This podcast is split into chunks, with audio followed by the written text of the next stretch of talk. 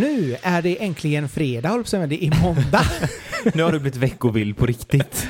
Ja, det är inte lätt att ha koll på dagarna. De går ju så fort och allt bara åker förbi som om man sitter på en motorväg. Allt Livets bara motorväg. faller likt höstens löv. Oh, that was very deep. Ja, jag vet, jag är så poetisk en sån här grå måndag. Ja, men då kan det vara skönt att köra lite popsvep. Ja, Nummer 31 i ordningen. Um, och vi ska börja lite grann snacka om releasefester. ja behövs det? Är, det? är det ett nödvändigt ont? Är det någonting man ska liksom bara bocka av längs liksom den här resan om man släpper EP eller låt eller album? Um, och vad är bäst att lägga pengarna på egentligen? Och där kan jag väl tycka spontant att um, det finns mycket annat än en releasefest man kan lägga pengarna på. Känns det som. Men, alltså, vi, men, men vi kan börja lite. Du har ju ändå varit på ganska många releasefester. jag har varit på en del releasefester i mina dagar, ja. Och, och, vad känner du om själva konceptet liksom så när du är där? Alltså jag tycker framförallt att det är roligt för artisten att så här, att man får fira att man har släppt någonting, att man får fira det faktum att man har jobbat på någonting länge och sen att det är ute för allmänheten att, att lyssna på liksom. Det är ju Mm. faktiskt så att man ska fira det på något sätt. Så att hela det, ändå konceptet med en releasefest är kul. Sen så tycker jag väl att vissa releasefester man har gått på känns mera som att eh, det är mindre eller mer bra arrangerat. Och det är väl kanske det som är där skon klämmer om man ska ha en releasefest då, att det ska kännas som att det är interagerande med alla så att det inte bara är så att här står man på, på eh, en dassig scen på en restaurang eller en bar, sjunger sina låtar, sen går alla hem. Det känns inte som att det är en rolig releasefest och en värdig releasefest. Det ska vara kanske någon tanke bakom det. Alltså man behöver göra en plan lite grann. Ja men lite så, lite genomtänkt och lite eh, kanske ändå någon twist för då kan man lika gärna ha en spelning kan jag tycka att lägga pengarna på än att man ska ha releasefest eh, och det inte blir den här festliga eller det lilla extra.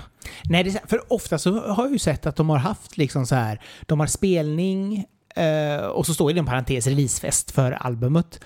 Eh, och då känns det som att det blir en spelning och så kanske att Alltså det känns inte som att det blir så här och nu är det fest eller Nej. att man gör någonting. Det blir inte ballonger och, och, och, och party tricks utan det blir kanske bara spelningen och så bara någonstans tillkännagiva att ja, men vi har släppt ett album eller vi har släppt en singel och, och lyssna gärna på den. Men det blir lite, kanske lite menlöst. Ja men precis, för att det är en sak, om man är tydlig med det från början att det är liksom en spelning som är Eh, för att fira releasen, då är det väl en sak. De har ju gjort det tydligt från början, men om man skriver releasefest, då känns det ju som att man inte bara vill komma på en spelning, utan då vill man ju komma på någonting som är lite mer festligt, kanske efterfest, kanske förfest, kanske någon drink, kanske något litet, eh, något litet tilltugg, eller liksom så att det är lite mera, mera än bara att komma på en spelning, för då då kan man ju gå på vilket som helst och kalla det, allt kan kallas releasefest håller jag på att säga.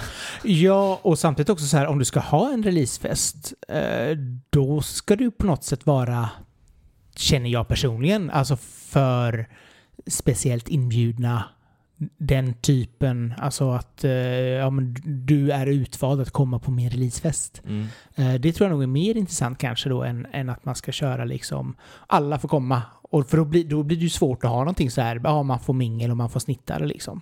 Mm. Det måste ändå vara lite mer Ja men det är sant. kontrollerat. Det är sant. Nu, nu, jag gjorde ju det upplägget när jag släppte EP att jag bjöd in de som stod mig nära och så hade jag på Jackie och så hade jag på övervåningen liksom att man hade en, en middag, lite drink först och sen så en middag och sen så att man skålade ihop och sen så var det ju dansgolv på kvällen och jag hade ingen spelning i anslutning till det utan vi bara hade ett Mingel firande. alltså? Ja, det blev inte så. Lite kalas. Lite kalas bara. Det kan man också ha. Det var lite, lite en annorlunda twist. Ja, Ingen musik live. du bara, jag, är, jag är lite för bra för att sjunga för er så att eh, ni, ni kan få lyssna på min MP3 här som jag kan spela upp. Nej men förhoppningen var ju faktiskt att få, få ihop något, men där var det ju svårt med arrangören att, eh, eller Jackie att få eh, till en, en spelning på stället. Men det är en, en parentes. Men eh, eh, precis som du säger, att det kanske ska kännas lite mera special. Mm. En, för att en spelning är ju en allmän tillställning och en releasefest är ju eh, mera, ja men något som kanske är lite mer intimt. Ja, jag tycker väl, alltså det borde vara det i alla fall. Men vad, vad känner du liksom så här, är det, Är det någonting som man behöver ha? Behöver man ha en releasefest? Är det liksom så här, är det viktigt att, att samla ihop ett gäng och, och sitta på en restaurang och antingen då skåla eller lyssna på musik för att man har släppt en ny låt eller är det liksom kan det vara likvitta liksom? Ja, ja, jag tycker väl ändå att det kanske är kul att det uppmärksammas på något sätt och då behöver man inte göra det ihop med andra ens som artist utan bara kanske att man klappa sig på axeln. Jag tycker ändå på något sätt att det ska uppmärksammas att man släpper musik. Det är ändå en, en det är mycket som ligger bakom, oftast om det inte är skitmusik då. det är subjektivt om man tycker att det är. Nej men eh, man har ändå lagt ner mycket blod, svett och tårar i någonting som man släpper oftast och det är viktigt för en att släppa det så då tycker jag ändå att det ska uppmärksammas. Och om det är ett forum av att jag går ut och tar en promenad och lyssnar på min egen låt och känner för fan vad kul att jag har släppt en låt. Eller att det är liksom ihop med vänner, att man käkar en middag eller bjuder hem några och lyssnar på låten eller lyssnar på musik man gillar eller har en överdådig fest. Det får man göra lite som man vill. Men att fira tycker jag, men jag tycker inte man behöver ha en överdådig releasefest eller liksom så, gå ut och käka middag för att man har släppt en låt. Det tycker inte jag är obligatoriskt. Mm, nej, det, alltså varje gång då... Ja, kom, då blir man ruinerad. Då blir man ruinerad. ja, för jag menar, det kostar ju ändå några tusen lappar att ja. göra någonting liknande om man ska då göra det på ett vettigt sätt. Alltså visst, du kan hyra en lokal och så gör en spelning och så betalar du 15 000 för det och sen är det bra. Men så fort du ska in mat och sånt så blir det ju oftast ganska dyrt. Mm. Ehm, även om man kanske bara bjuder på en drink så är det fortfarande ganska mycket pengar som behövs för mm. det. Liksom. Jag kan tycka att det är bättre att i så fall, om man släpper en låt som man tror jättemycket på, så har man liksom eh, kanske någon liten tillställning för sina närmaste vänner, eh, att de går ut och bjuder en, en artisten på middag. Det är ju inte fel. Ja. Eh, och så lägger man pengarna på PR och reklam, för jag tror att det är där som är kanske det viktigaste. Om man nu har lagt ner mycket energi och, och, kraft på att skapa någonting så är det väldigt viktigt att det hörs. Och man, det hörs ju inte på en releasefest till den breda massan. Utan Nej, för där är det ju verkligen bara 50 personer. Exakt, då är det ju bättre att lägga pengarna på att göra en ordentlig PR-kampanj. Om man nu ska ha en budget på 10 till 15 eller ännu högre på en releasefest, då är det bättre att lägga de pengarna mot en PR-kampanj där man jobbar aktivt med att pitcha in musiken. I, I, min värld känns det mer som mer välinvesterade pengar. Sen kan man ju göra det i, i nedskalat format. Det jag gjorde kostade ju inte speciellt mycket och de som var där och käkade fick betala sin egen mat och så också. Ja. Så att uh, upplägget väljer man ju själv, men jag, jag, tycker ju att har man inte resurserna för att göra en releasefest bara för att ha en releasefest om man vill liksom sådär kunna uh, säga att ah, men jag hade en så jävla fräck releasefest, då ska man inte göra det. Nej. Då ska man lägga det på PR.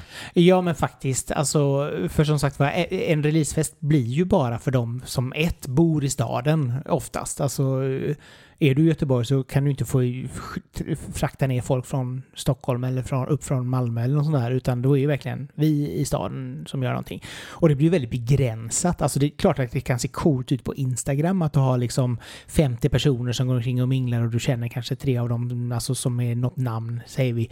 Eh, men, men det blir ju inte någonting som du bygger en karriär på eller bygger releasen på på något sätt, utan det är ju verkligen bara där och då och hej och hå. Alltså, som sagt ska du, ska du verkligen bygga din karriär så ska du ju jobba med PR, marknadsföring, mm. få ut det brett till alla. Och som du säger, liksom, har du 15 000 kronor, alltså har du gjort en budget för ditt släpp och du har 15 000 för marknadsföring, då kanske du inte 10 av dem ska gå till en restaurangkostnad liksom. Nej, då, har man nog, då är man nog ute och cyklar som det heter.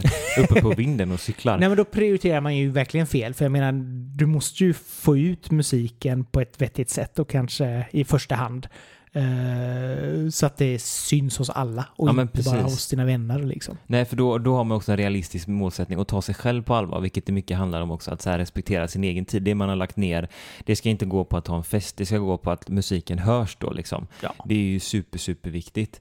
Um, men sen kan man ju göra så mycket idag med alltså, så sociala medier. Du kan ju ha en releasefest genom att du har en livespelning liksom, som folk kan se på länk. Ja. Alltså så sätt. Det går ju jättebra. Facebook live, Instagram live, du kan köra TikTok live. Why jo, not? men absolut. Och, och, samtidigt också, eller YouTube fungerar ju också. Men, också. men jag menar sådär, om du har du pengar, det är klart att du kan lägga liksom 10 000 på en video i så fall. Och få den riktigt snygg. Uh, det kanske är bättre än att lägga 10 000 på en, på en fest. Liksom. Eh, för även om du kanske får, säg att du får 500 views på din video så är det fortfarande mer än vad du skulle eh, få i en lokal på förfesten liksom. Så att man får ju alltid jämföra allting och se så här, okej okay, vad får jag ut av detta, vad får jag inte ut? Av uh, eh, Sen ska man ju absolut kanske någon gång göra en releasefest för att man släpper ett album till exempel, eller din första EP, eller du har nått någon form av milestone. Det kan vara lite roligt, för jag menar då blir det ändå så här att du ger kanske till de som ändå har stöttat dig under alla år. Men det är ju absolut inte det som du ska göra en gång per år eller en gång varannat år ens en gång, utan ja, spar på krutet och lägg pengarna i så fall på marknadsföring eller som sagt var en, en, en bra video. Ja, en video kan man komma väldigt långt med tänker jag också och det bygger ju liksom CV om man ska prata i de termerna också. Absolut. Så här, jag har gjort en video, kolla på den liksom och det har man gjort den coolt och läckert och att det är fräckt så, så tänker jag att den skapar intresse för branschmänniskor också kanske liksom så som och skapa kontakter. Så det är ju jätteviktigt att tänka så att vad, vad investerar jag som indieartist eller som mindre artist? Vad investerar jag mina pengar mest rimligt och mest väl och vad får jag mest valuta för dem liksom? Ja, ja, för det är ju som sagt var, det är ju en, en, en del i CVet att verkligen visa upp det där, den här videon. För som sagt var, det finns ju jättemånga videor du kan klippa ihop själv. Du kan köpa sån här stock footage och sätta ihop någonting, absolut. Men om du verkligen lägger pengarna på att göra en snygg video, då är det ju verkligen en, en, en snygg marknadsföringsdel i både dig själv som artist och, och den låten i det fallet. Liksom. Som du säkert aldrig kommer att få igen pengarna för, men jag menar, det kommer fortfarande vara ett mer bestående värde i att ha en video som folk kan se tre år senare än att försöka komma ihåg den här festen som, som de hade en kväll där 40 kom och 40 inte valde att dyka upp för de hade annat bättre för sig. Mm. Nej men exakt så, det är superviktigt att tänka. Det är skittråkigt att behöva tänka så, men det är ju väldigt, väldigt rimligt. Sen är det ju skillnad på liksom så eh, om man följer bolagsartister eller artister med mycket budget bakom sig. Det är klart att man kan slänga iväg pengar på en releasefest, för det finns pengar till annat också. Men om man är liksom kanske mindre etablerad och kör mycket själv och sånt så är det ju bättre att Å andra sidan, de som är signade har också deals att de får oftast betala sina releasegrejer eller så själv. Ja, ja, ja. Att, ehm, och, och, och skivbolagen lägger ju, eller musikbolagen lägger ju inga pengar på videor eller något sånt. Alltså de lägger ju inga pengar överhuvudtaget på någonting så länge, alltså de vill bara ha inkomster. Ja. Så att de är ju inte riktigt där för att jättemycket bygga dig som artist heller, utan de vill ju bara skörda. Av Ut det med som, låtar. Ja, men skörda det som kommer och, och jag menar det är ju inte för inte som till exempel alla Warner-artister som har varit på Melodifestivalen. Det är ju nästan ingen av dem som släpper en video på sin låt. Vilket är jättekonstigt för du har ju liksom så här världens största, eller Sveriges största eh, uppbyggnad av, av artisten och låten. Och sen bara släpper man det. ah, nej men nu är det bra. Vi, vi köper loss SVTs eh, tre minuters film och så ja, lägger vi upp den som en video liksom, istället för att verkligen jobba med låtarna. Ja, jätte, jätte, jättekonstigt. Spännande nu när du nämner Mello. Nu börjar det snart bli dags för ny säsong av Mello. Nu är vi inne i, i den delen av året igen. Det bara slog mig nu att så här, oj, ja. nu, nu kommer Melodifestivalen igen. Det Spännande. Någon, ja, det är väl bara någon vecka kvar tills de börjar leverera låtar. Ja. Vilka som ska vara med och, sådär. Så att, uh, Skitkul, side-note. Men det är ju som en enda stor releasefest om inte annat eh, Melodifestivalen. Där kan vi prata om extra allt. Ja, det, det, det kommer det bli snabbt. Men som sagt var, om vi ska försöka knyta, knyta ihop säcken som det heter. Ja. Eh, så känns det ändå lite grann som om att det är um, det är bättre att fokusera på, eh, på en eh, PR-kampanj eller video än att lägga ner jättemycket pengar på något roligt som en fest. Men det är klart att man kan göra det också någon gång, men kanske inte jättemycket. Nej, alltså man får nog tänka rimligt. Det är väl det som är, det är tråkigt att tänka så. Det är väl coolt att kunna säga att kom till min releasefest eller jag ska ha releasefest, jag hade den där och där och där. Men det, det ger ju ingenting för dig som artist oftast. Om man inte kan lyckas bygga eller bjuda in branschmänniskor, eh, tidningar och liksom den typen av, av eh, PR då, då kan det absolut ge någonting. Mm. Men eh, om man bara ska ha en fest och bränna av pengar, nej, då, då, måste man vara så rimlig att man lägger det på en video eller kanske på PR eller på något helt annat, en, en eh, radiokampanj eller liksom vad som helst. Liksom. Vapen till Ukraina. Så långt? Jaså? Jaha då. Här är möjligheten. Nej men som sagt var, jag, tänk, på, tänk själviskt och eh, bästa sättet att utveckla ditt varumärke. Ja, men själviskt är nog ett ja, bra ord ja, här. men fakti- ja, faktiskt. Alltså, det, är inte, det är inte 20 personer i ett rum som kommer bygga ditt varumärke, utan Nej. det är 20 000 människor som hör din låt och de måste någonstans höra, va? veta om att låten finns. Ja, och då eh, kan man absolut använda sig av de redskapen som finns, men eh, man behöver också pumpa in en hel del pengar, så är ju verkligheten. Absolut. Mm. Absolut. Ja, det var lite tankar om det. Vi ska hoppa vidare i vår lilla... Eh, Svep, vårt lilla svep. Vi vårt lilla svep, ja. Jag skrev en liten krönika eh, förra veckan som handlar om hur du som oberoende artist kan dubbla dina inkomster. Eh, och det är lite grann intressant för det är just den här... Det, det låter lite clickbaitigt men, och det kanske är lite clickbaitigt men det är ändå, ligger ändå någonting bakom det. För det var artisten L. Dre som eh, hade gjort en liten mätning och på Eh, 4,5 miljoner streams på Spotify så hade han fått 11 684 dollar. Eh, och på 4,7 miljoner streams på Apple Music hade han fått 24 201 dollar. Så att det gör ju att du, du du får alltså dubbelt så mycket betalt per stream eh, på Apple Music mot Spotify. Eh, och absolut, alla förstår ju att Spotify har en sån enorm stor eh, användarmängd eh, så att det gör ju att det, det kommer att ticka på ganska bra med streams ändå. Men jag menar, kan du ändå få dubbelt så mycket betalt för varje stream så är det kanske värt att få folk att flytta över till Mm. Spotify så att varje gång, eller till, till Apple Music, det Tidal som ger ännu mer. Tidal är absolut bäst, ja. Ja, för då skulle du kunna få ännu mer betalt per stream. Eh, och även om, även om du inte kan få över liksom alla dina användare till, till Apple Music så kommer ändå mixen. För jag menar, jag kan tänka mig idag så kanske du kan få liksom så här 300, sä- säg att du får 1000 streams på Spotify och, och så kanske du får tre streams på Apple Music. Alltså det är ju den eh, maktbalansen som är idag, i alla fall i Sverige. Mm. Ja men Eh. verkligen. Tyvärr. Innan när det var iTunes så var det ju bättre, men, men Apple Music är ju större fortfarande i USA. Ja. ehm, än vad det är i Sverige. Sen är ju Spotify dominerande, så är det ju. Och det är väldigt, väldigt trist att man då ska betalas 0,01 eh, dollar ehm, och 0,0033 Mm. Dollar är det då va? Inte Ja, cent. det är då, dollar. ja, ja, cent. Typ något Ja. sånt. Vi kan inte riktigt valutan här, det märker Nej. ni. Men eh, det är i alla fall mycket mindre. Eh, och det är ganska dramatisk stor skillnad också om man tänker så här upphovsrättsmässigt och vad man, vad man ändå kan tycka att musik om man ska prata musik i ett värde av pengar så är det ju ändå så att, att en artist kanske ska tjäna på det och då är ju Apple Music någonting att förespråka. Jag har ju så, sagt det så många gånger till dig, du har liksom övervunnit mig till den ljusa sidan. Eh, till Apple Music sida. Och det, det är viktigt med den här typen av liksom offentliggörande av att det faktiskt skiljer så mycket. Det är en extremt stor skillnad i inkomst på streaming på Apple kontra Spotify. Absolut. Jätte, jättestort. Ja, ja, ja. Det, det, alltså, när man väl räknade ut det då, när, när jag gick igenom de siffrorna som då Eldray hade lagt fram, eh, så ser man ju att det är så enormt stor skillnad. Och jag menar, även om du får liksom som sagt var en mix mellan eh, Spotify, om 50% kommer från Spotify och 50% på Apple Music, så har du fortfarande nästan, inte riktigt, men nästan dubblat din inkomst liksom.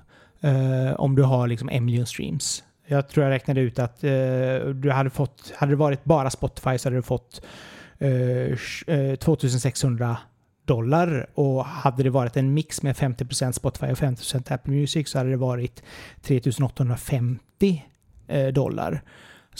Det är ändå ganska stor skillnad. mycket. Ja, som, som du lite grann som artist går miste om. Jag menar visst, bor du på ett storbolag så kommer de ändå till att ta 80% av pengarna.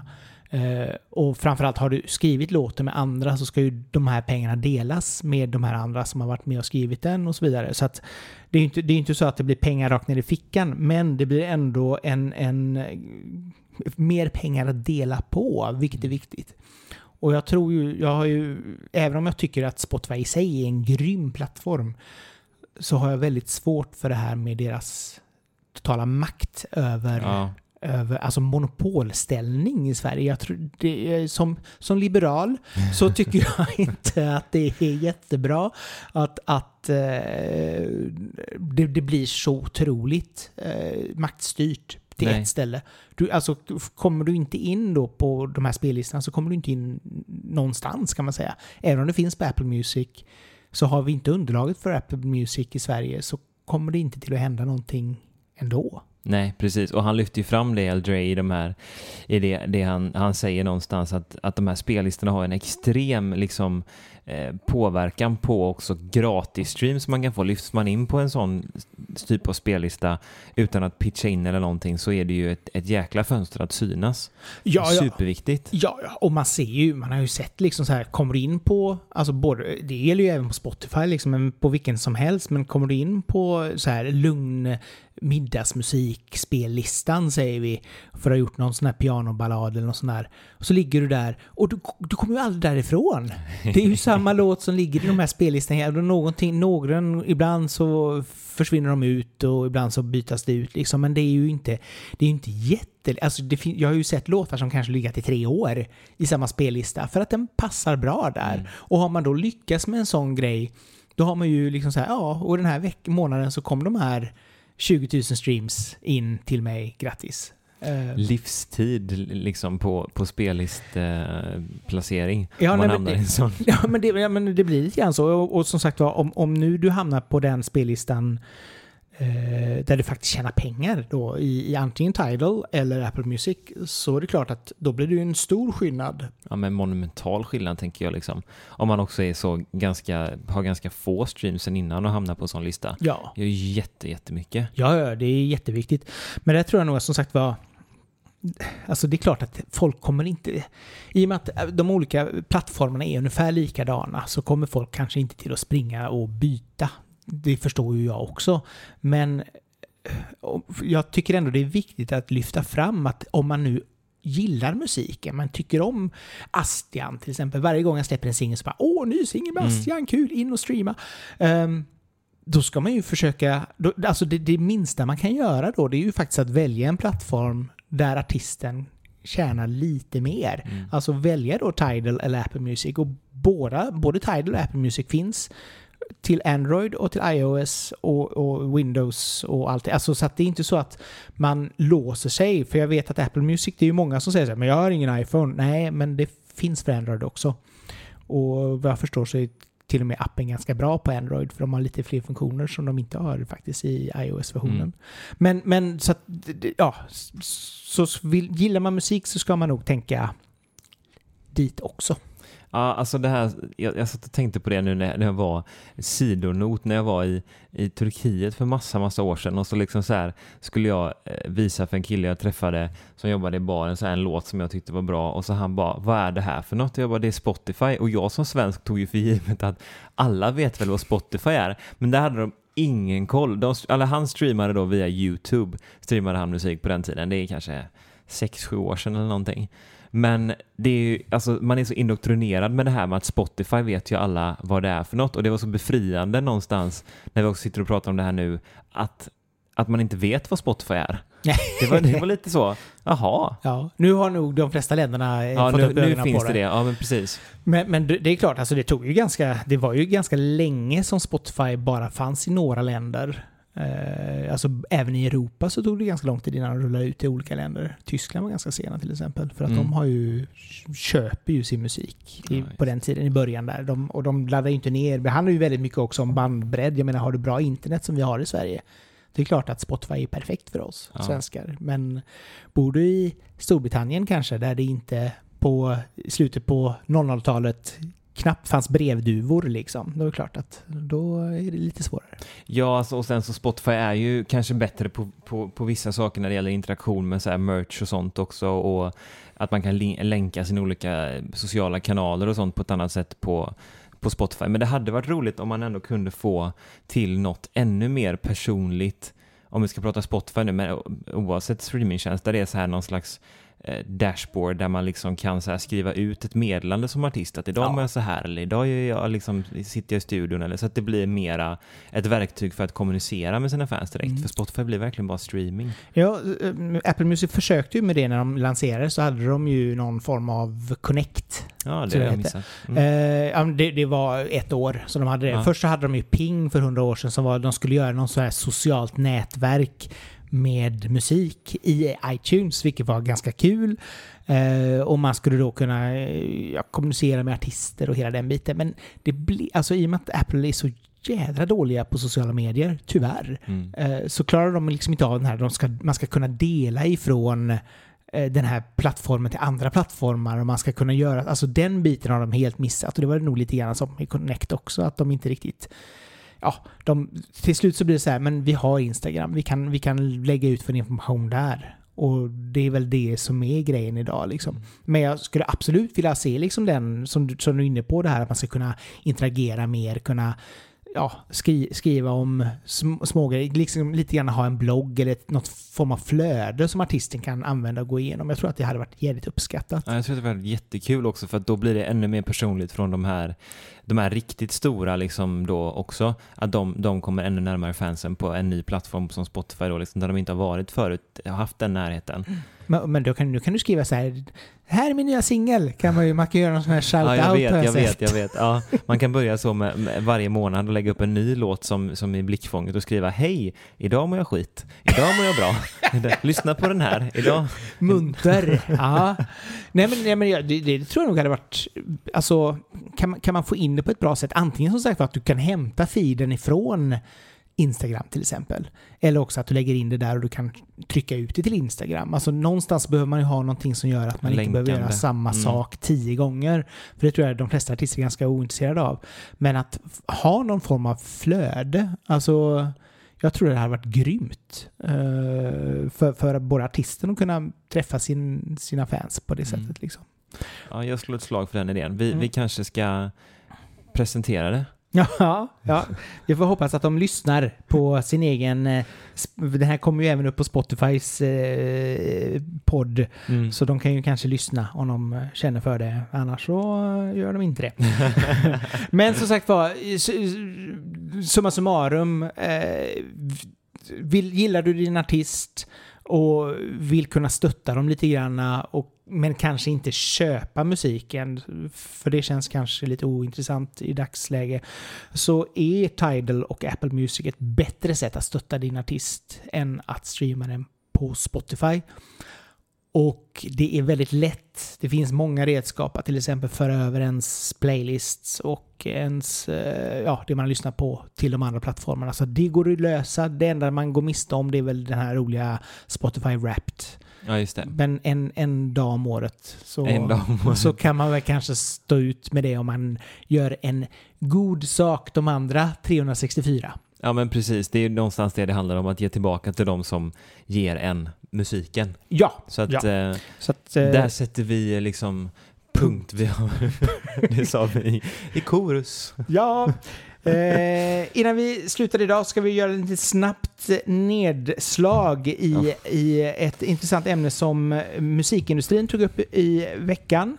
Eh, de snackade lite grann med olika musikjournalister för, för att se hur musikjournalistiken mår Ja. 2022. Ehm, Mår den bra är frågan. Jaha, må, må, finns Hur den? mår du? Ja. Kanske man ska fråga den. Ja, men finns den är ju frågan för att det känns som att vi mer och mer har gått emot en tid där det inte finns den typen av gammelmedier eller musikmedier. Om man tittar på 80-talet ve- växte liksom hela eh, bilagor till musik och nöje och eh, den typen av reportage. Och idag så är det en väldigt liten, ett väldigt litet utbud ju. Ja. Det är så här, hur, hur, ska en, den klassiska musikjournalistiken liksom stå sig pall i en TikTok-värld? Ja, no, men Det det är är, lite ju, det är jättesvårt.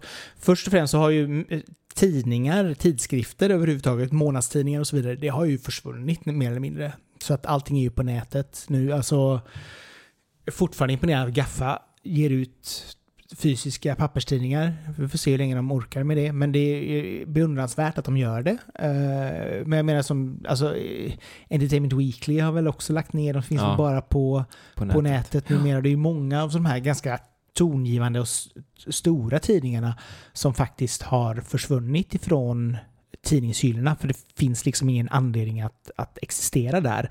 Men någonstans så är det ju ändå informationen som är intressant. Men... Um... Ja, informationen är ju intressant. Det är väl det här att, att liksom när det handlar om recensioner, när det handlar om att ha en åsikt om musik, det är kanske inte lika tongivande längre som det var förr på ett sätt. Alltså, var lyssnarna befinner sig är inte i kontakt med musikrecensenter längre, utan det är i kontakt med artisten och det blir ett annat typ av utbyte eh, hur man väljer att lyssna och ta till sig musik. Bara för att en musikjournalist säger att det här är en, en etta så lyssnar man ju ändå på låten. Mm. Liksom. Eh, så där är det ju inte lika tongivande längre. Nej, så är det ju. Och framförallt, alltså skillnaden på 90-talet och, och början på 00-talet var ju att då eh, skulle du ju köpa produkten. Alltså om det var någon som sa till dig att åh, det nya, det nya albumet med Britney Spears är jättebra. Ja, då går du och köper det och så lyssnar du på det hemma. I det här fallet så kan du bara trycka på en knapp och så kan du lyssna på det och det gör ju att den här rekommendationsdelen eh, som en recension någonstans är eh, lite grann försvinner och det, det kanske inte är lika intressant och tongivande längre eh, vad Andres Lokko eller Marcus Larsson eller vem det nu eller tycker. Gradvall eller ja, vem det nu kan vara. Ja, vad de nu tycker om, om, om, om albumet i sig eller låten. För du har din egen uppfattning. Sen tror jag nog i och för sig att deras, deras sätt att skriva och förmedla är ju fortfarande intressant. Och det är uppskattat, för det märker jag, en, alltså även om då många liksom musiker säger att man kan inte recensera musik, man kan inte tävla i musik och man kan inte så liksom på något sätt betygsätta det. Så är det ändå så att får man en bra recension så lägger man alltid upp det. Ja, ja, ja. ja. så det jo, men så är det ju. Väldigt dubbelbottnat liksom. Ja, jo, nej, men så är det ju. Alltså, det, men någonstans, det, det var ju, tar vi runt 10-talet någonstans där när blogg, musikbloggarna det började explodera ganska mycket i Sverige och över hela världen, alltså 00-10-talet, början där. Uh, det, det, musikjournalistiken har ju gått väldigt mycket från att vara vi lyssnar på någonting, analyserar någonting och skriver om någonting till att bli att man kopierar eh, pressreleaser. Alltså det är jättemånga, men alltså du kan ju, om du går omkring på de olika sidorna så ser du liksom så här att ja, alla har fått samma underlag och de skriver från samma underlag. Både bra och dåligt. Men, men det är ju liksom så här, där är ju musikjournalistiken idag inom citationstecken. Att det har blivit väldigt mycket PR-bolag som talar om vad de ska skriva. Och samtidigt också så släpps det så otroligt mycket så det gör ju också att folk hinner inte sätta sig ner och, och analysera varje text i en Victor Leksell-låt Liksom. Nej, och det, man är inte intresserad av det heller egentligen. Att ta till sig musik på det sättet att man sätter sig ner och, och djupdyker i, oj, vad, varenda stavelse och varenda så. Utan man är ju mer så här, ja men det här var en bra låt. Ja. Och det är typ det när jag frågar då som musiker, ja men vad tycker du är bra musik? Ja men det här är en bra låt och jag bara, okej okay, texten är helt innehållslös men du gillar, okej okay, jag fattar, du gillar melodin och du gillar liksom viben i produktionen. Ja. Och det är så många lyssnar. Ja. Eh, de skiter ju lite i innehållet så sett vad, vad låten betyder. Um, sen gör inte alla det, men... Uh... Nej, men samtidigt också så kan det ju vara, alltså du kan ju ta en låt som, alltså tidiga Beatles-låtar var ju banala i text. Mm. Så att det var ju liksom inte texten de vann på, men de vann ju väldigt mycket på som sagt var arrangemangen, melodierna och sen utvecklas ju texten med allt eftersom för artister som håller på länge. Och, och, det är väl samma sak här, liksom, att man kanske känner liksom att ja, men det finns någonting här och det finns liksom bra melodier, det finns bra arrangemang. Texten kan man alltid förbättra. Alltså, det är inte, alltså Per Gessle släpper ju fortfarande väldigt bra poplåtar, fast texterna är ju verkligen superbanala. Ja, nej men alltså sättet som vi har möjligheten att, att liksom lyssna. Har, det finns för mycket utbud och därför så Ja, men kanske att det skiftar då, att, det ändå, att, att man liksom blir intresserad av att lyssna på vad någon har att säga om en viss skiva.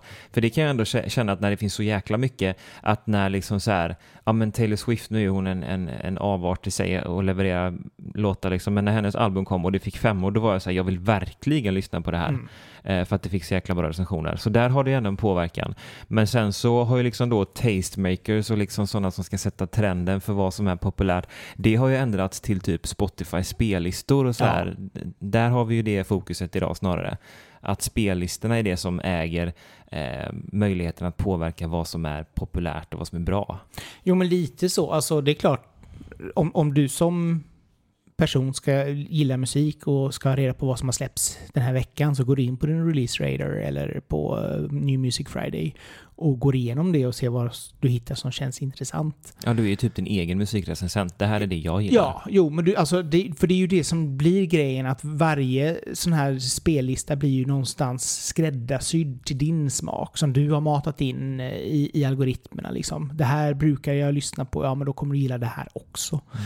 Så att det är klart att det, det, är ju, det är ju, på ett sätt är det lite roligare att, att den ens musik Eh, Eh, konsumtion blir väldigt skapad efter det man själv tycker om. Samtidigt så blir det också Alltså, det blir lite farligt för musikjournalistiken som försvinner bort. Alltså det är klart att mm, det kommer komma intervjuer med nya artister och det kommer alltid vara någon som sitter i en, i en eh, morgonsoffa och berättar om saker och ting. Men det är frågan om hur länge till det kommer vara aktuellt eller man ser att det finns ett värde i det på den stora, alltså för Aftonbladet till exempel. De ska ju ändå generera klick och visar det sig att ja, eh, Håkan Hellström-albumet, absolut, eller när Bruce Springsteen spelar i Göteborg, klart att det genererar sak, lite grann. Mm. Men det är ju ingen som, som kanske bryr sig om Maja Francis släpper en ny singel. Nej. Nej, då är det ju mer intressant att, att typ en youtuber som har en stor kanal gör en intervju med en artist liksom med det forumet ja. eller så. Det, där är vi ju idag liksom. Eller att man gör någonting på TikTok med en stor artist där det är någon, någon slags frågesport. Eller liksom att, att en artist inte kommer till en, en podd och gästar utan att den startar en egen podd. Alltså mm. det finns ju så mycket olika typer av eh, andra forum som man kan vara i än det här klassiska traditionella musikjournalistiken. Sen tycker jag ju att det är tråkigt någonstans ändå att det, att det håller på att liksom så vattnas ut. Det kan jag ändå, jag, jag tycker att det är en intressant eh, del av kulturarvet, det här musikjournalistiken, för det mm. känns lite seriöst på något sätt. Eh, allt annat känns lite, ja, vadå? Att, att liksom TikTok och någon annan ska sitta där. Det är, ja, jag, jag gillar ju ändå eh, journalistiken. Samt, samtidigt så skulle jag ju säga där att musikjournalistiken kommer ju även den utveckla sig. Alltså eh, poddintervjuer med artister. Alltså det finns ju jättemycket mm. och jag menar jag går ju gärna in och ser till exempel de Apple Music-intervjuerna eh, som, som läggs upp där. Även om jag tycker Zane Lowe kan vara lite skrikig emellanåt. Eh, så är det ändå väldigt roligt att det kommer väldigt mycket artister och de får lov att berätta lite grann. Och, och där hans mer djupgående intervjuer, nu hade han en med, med Robbie Williams för inte så länge sedan. Alltså, de är ju, tycker jag är jätteintressanta för där sitter man liksom så 45 minuter med sin artist och, och berättar ganska, alltså lite grann det som jag har haft som idé med, med eh, de här i, sam, ja, i, i samtal med intervjuerna i podden. Precis. Att så här, lugnt och sansat bara prata av sig. Och jag tror att den typen av musikjournalistik kommer ju nog att öka mer och mer. Alltså, för det, det är ett format, folk gillar ljudformatet. Mm. Det är också därför som jag gärna skulle vilja göra ännu fler sådana här videoinspelningar eller videointervjuer över ja, Zoom. Superkul. För, för det är också Alltså ska du ändå lyssna på poddens eller bloggens olika musiktips så måste du, alltså då kan, sitter du ändå med hörlurar när du besöker popmusik. Mm. Så då kan du lika gärna lyssna på en intervju, tänker jag. Ja, men sånt, det tror jag verkligen att den som är intresserad av en artist och den som är intresserad av musik, den väljer nog att djupgå och då är det ju den här formen, alltså poddformat eller om det är eh, liksom någon slags dokumentär eller P3 musikdokumentär eller böcker mm. eller whatever liksom. Men den typen av djupdykning är nog något som är här för att stanna. Vi märker ju också liksom det på alla typer av grejer som släpps på Netflix och olika dokumentärer, att folk är ju som hökar, som älskar ju det, ja. när man djupdyker i saker. Ja. Eh, men eh, musikjournalistiken är tydligen inte tillräckligt djup. alltså det, det, men det, det, är ju liksom, det är en sån svår balansgång, för det är ju liksom både det här Alltså det är underhållning, det är nöje vi snackar om. Alltså det är klart att man kan ju tycka att en Madonna-låt inte är jättedjup, men samtidigt så är det ju det är popkultur och man får väl se det för vad det är lite grann åt det hållet. Sen tror jag som sagt var inte att jag, jag, tror att det är viktigt att musikbloggare eller musikjournalister pinpointar och lyfter fram intressant musik regelbundet, lite grann så som vi gör i bloggen. Eh, alltså, vi, vi hittar låtar som vi tycker är intressanta och som vi lägger upp. Och, i, och tillsammans då med intervjuer med artister som gör att artisterna har liksom ett forum, att de kan berätta sin historia. Jag tror det är jätteviktigt. Ja. Och sen, alltså det är, sen är det ju liksom så här, är det Aftonbladet eller Svenska Dagbladet eller Dagens Industri och så vidare. Det är klart att där blir det väl kanske mer att man kan tipsa om de här guldkornen, men ska man ha klick så är det ju fortfarande liksom intervju med First Aid Kit eller Darin eller Melodifestival. Alltså den typen av... Det är sånt som folk redan vet och är bekväma med. Ja, ja och framförallt så är det ju liksom det som skapar trafik i det fallet. Medan vi har ju lättare att intervjua liksom Kalle Karlsson från Knäckebyhult som ingen har hört talas om, som har släppt en singel. Och jag menar, och, och det är lite grann där som jag tycker att vi gör ett viktigt jobb. Ja, men det är där man ska fylla gapet också, för att det är där som det, det någonstans fattas. Det här toppskiktet eh, är ju väldigt svårt att, att tränga sig in i och eftersom musiken, eh, minskar så är det också så att då blir det ju mer intressant att, att intervjua och lyfta fram de artisterna som redan är etablerade, dessvärre. Ja. Eh, så är det ju, så att, så att den här typen av forum, nu klappar vi oss på axeln, den, den, den, den behövs för den typen av artist som, som inte är lika etablerad och det, tänker jag att det är någonting som, som är viktigt och det kommer ju leva kvar liksom. Ja, men, men som sagt var, hur, hur viktig tror du alltså den klassiska musikjournalistiken, är den viktig eller kommer den... Jag tror att den är på urvattning. Jag tror att den fortfarande har en viss eh, påverkan någonstans. Men kanske mer för artisten än för lyssnarna, mm. eh, tror jag. Eh, det är nog min känsla i alla fall. Eh, sen är det ju viktigt då för Nyhetsmorgon att ta, ta, in specialister ibland som står och pratar om musik och det är väl intressant att lyssna på men det är ju fortfarande inte det som påverkar om jag väljer att lyssna på det. Nej. Utan jag väljer ju den artisten som jag tycker gör bra musik liksom. Ja, jo men så är det. Ja, nej, det ska bli spännande att se hur, hur vår plattform, får man mm. kalla hela musikjournalistiken eller hela musikbloggandet, musikskribentdelen. Hur den kommer att utveckla sig. Eh, som sagt vad blir det bara liksom rörliga filmer på TikTok där man snackar, eller som, som artisten kanske själv lägger upp eh, mm. för att presentera sig själv, eller blir det liksom mer poddintervjuer? Ja, det ska bli intressant att se hur, hur det utvecklar sig under den närmaste tiden. Jättespännande. Jag tror att det kommer ske ganska fort. Ja, men det kommer det nog göra. Absolut. För jag menar, det gick ju ganska snabbt ifrån eh, att, att Expressen och Aftonbladet var liksom tongivande med sina eh, helgbilagor och helt plötsligt så försvann de helt. Mm. Eh, och allting gick över i, i fanzine och bloggformat liksom till att nu också försvinna bort mer och mer. Eh, att musikbloggarna dör ut. Mm. Eh, och med det också då kanske den redaktionella musikjournalistiken. Ja. Tråkig utveckling kanske, men vi får väl se vad som händer. Ja, det, det, vi, vi fortsätter att, eh, vad heter det, eh, rapportera från eh, där saker och ting sker. Vad heter ja. det? På fältet? På fältet. ja, exakt. Ja, vi får väl se vad som händer. Men, men det, in, var en intressant artikel i alla fall i musikindustrin, så gå in och läs så får ni lite gärna information om... Det, summa summarum av deras åsikter där var väl att, att eh, musikjournalisten utvecklar sig mer och absolut kommer det finnas kvar.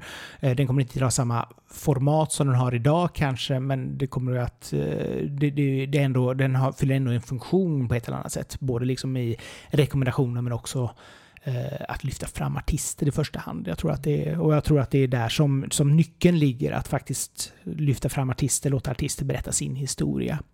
Eh, så att det är väl det. Det är jätte, jätteviktigt. Ja, men det var lite, lite längre Det var avsnitt den här det. måndagen. Ja, den Vi här hade månd- mycket att prata om. Det här är mycket. Ja, det blev lite långt det sista. Men eh, det är inga problem för ni, ni älskar att höra vår röst Ja, och vi älskar att höra våra röster också. Så att eh, det är lugnt. Så vi hörs nästa vecka, hoppas vi att ni vill. Ja, så att under, under tiden fortsätt som sagt var gärna dela eh, våra härliga avsnitt och prenumerera på podden. Bli Patreon så att vi kan fortsätta sprida musikglädje runt världen. It's a must. Och framförallt så är det kul nu när man som Patreon även får massa roliga musiktips och intervjuer och annat som är inte är öppna för Mm. allmänheten utan man måste verkligen vara Patreon för att kunna läsa det. Det är mm, spännande. Väldigt bra. Ja, På det går vi ut, med det går vi ut på med, med tjoho. Celebrate good times.